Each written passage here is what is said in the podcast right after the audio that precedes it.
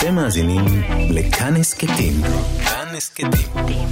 הפודקאסטים של תאגיד השידור הישראלי.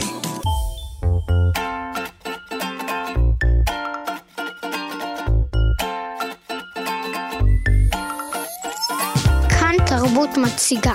המעבדה לילדות ולילדים. ולילדים. לילדות. המעבדה לילדות ולילדים. עם גיל מרקוביץ. בשיתוף מוזיאון הטבע של אוניברסיטת תל אביב. שלום, כאן גיל מרקוביץ', מוכנה לצאת למסע בעקבות שאלה. גם הפעם נשמע שאלה שעניינם מישהי או מישהו סקרנים כמותכם שחיפשו תשובה. מהשאלה הראשונה נתגלגל הלאה אל שאלות נוספות, ואני מקווה שנצליח להשיב על הרבה מהן. בואו נצא לדרך.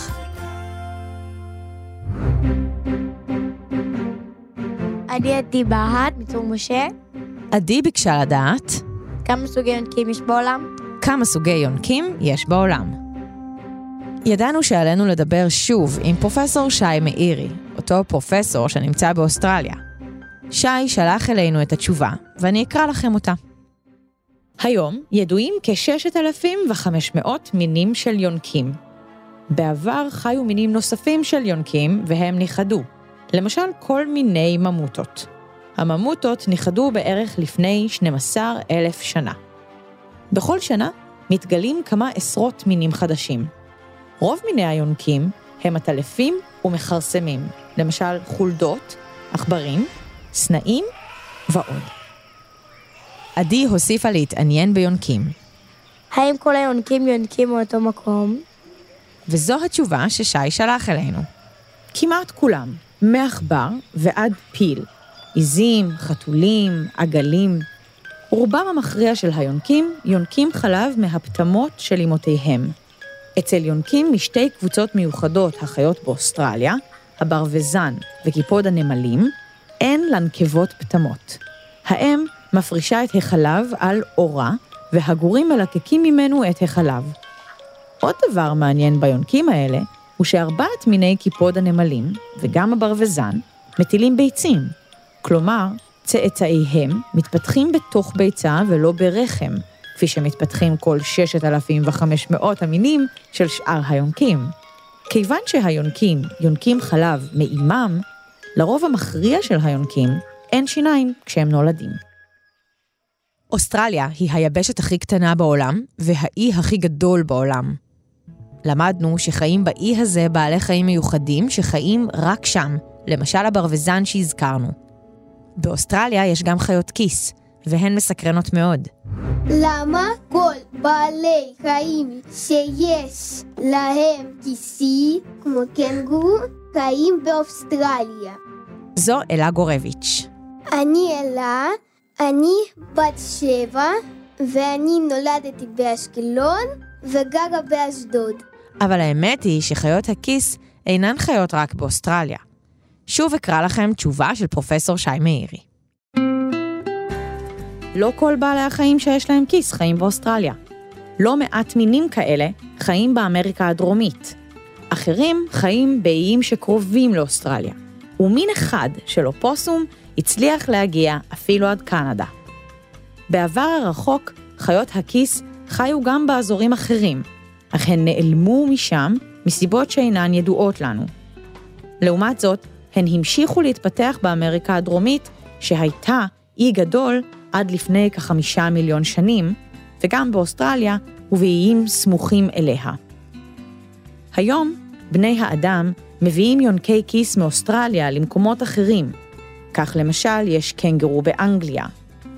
מה שמעניין ביונקי הכיס, הוא שבשלב מוקדם יחסית של ההיריון, העובר יוצא מן הרחם ומטפס אל הכיס. שם הוא מוצא את הפטמה של אמו וניזון מהחלב שלה. חיות כיס, גם הן שייכות למחלקת היונקים. ומי עוד? גם אנחנו, בני האדם, בעצם יונקים. העובדה הזאת מובילה אותנו בדיוק לשאלה של הראל בהט בעניין הזה. האם לתינוקות יש שיניים שהם נולדים? כמו שכבר אמרנו, לרוב היונקים אין שיניים כשהם נולדים, ותינוקות של בני אדם שייכים למין היונקים. כך הם יכולים לינוק חלב בלי לפצוע את אימא שלהם. הם גם לא זקוקים לשיניים כל עוד הם אוכלים רק חלב. בשלב מאוחר יותר של ההתפתחות שלהם, צצות השיניים, ובעזרתן אפשר לאכול מזונות מוצקים, פירות, לחם ועוד דברים טעימים. בואו נסכם את הפרק. הפעם עסקנו ביונקים, קבוצה גדולה ומגוונת של בעלי חיים. למעשה, היום ידועים כ-6,500 מינים, כלומר סוגים השונים אלה מאלה, של יונקים. ובכל שנה מתגלים מינים חדשים. מה שמאפיין את היונקים, ומשותף לרובם, הוא מנגנון היניקה ופעולת יניקת החלב בשלבים מוקדמים בהתפתחות. אבל למדנו שיש יונקים מיוחדים, הברווזן וקיפוד הנמלים, שלהם מנגנון אחר. האם מפרישה את החלב על אורה, והגורים מלקקים אותו. כיוון שרוב היונקים יונקים חלב מאימם, למדנו שאין להם שיניים כשהם נולדים. זו גם הסיבה שלתינוקות אין שיניים כשהם נולדים, משום שגם אנחנו משתייכים לקבוצת היונקים הגדולה. מין מיוחד של יונקים הוא חיות כיס, למשל קנגרו, קואלה, אופוסום ואחרים. יש חיות כיס באוסטרליה, באיים רבים סביב אוסטרליה, באמריקה הדרומית ואפילו בקנדה. באזורים אלה הם ממשיכים להתפתח.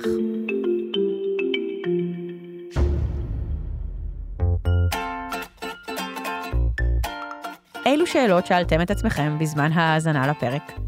כתבו אלינו לדואר האלקטרוני gil שטרודל kan.org.il אולי נדע להשיב. תודה רבה לפרופסור שי מאירי. תודה למפיקת התוכנית רות דוד אמיר. שלומי יצחק, ליטל אטיאס, אריאל מור, דבורה סוויסה ורומן סורקין הם הטכנאים באולפן. תודה גם לירדן מרציאנו ואייל שינדלר שהביאו את התוכנית לשידור. תודה מיוחדת לעורכי הסאונד שלנו, רחל רפאלי ואסף רפפורט, וגם לדוקטור סמדר כהן, עורכת שותפה ויועצת לשון.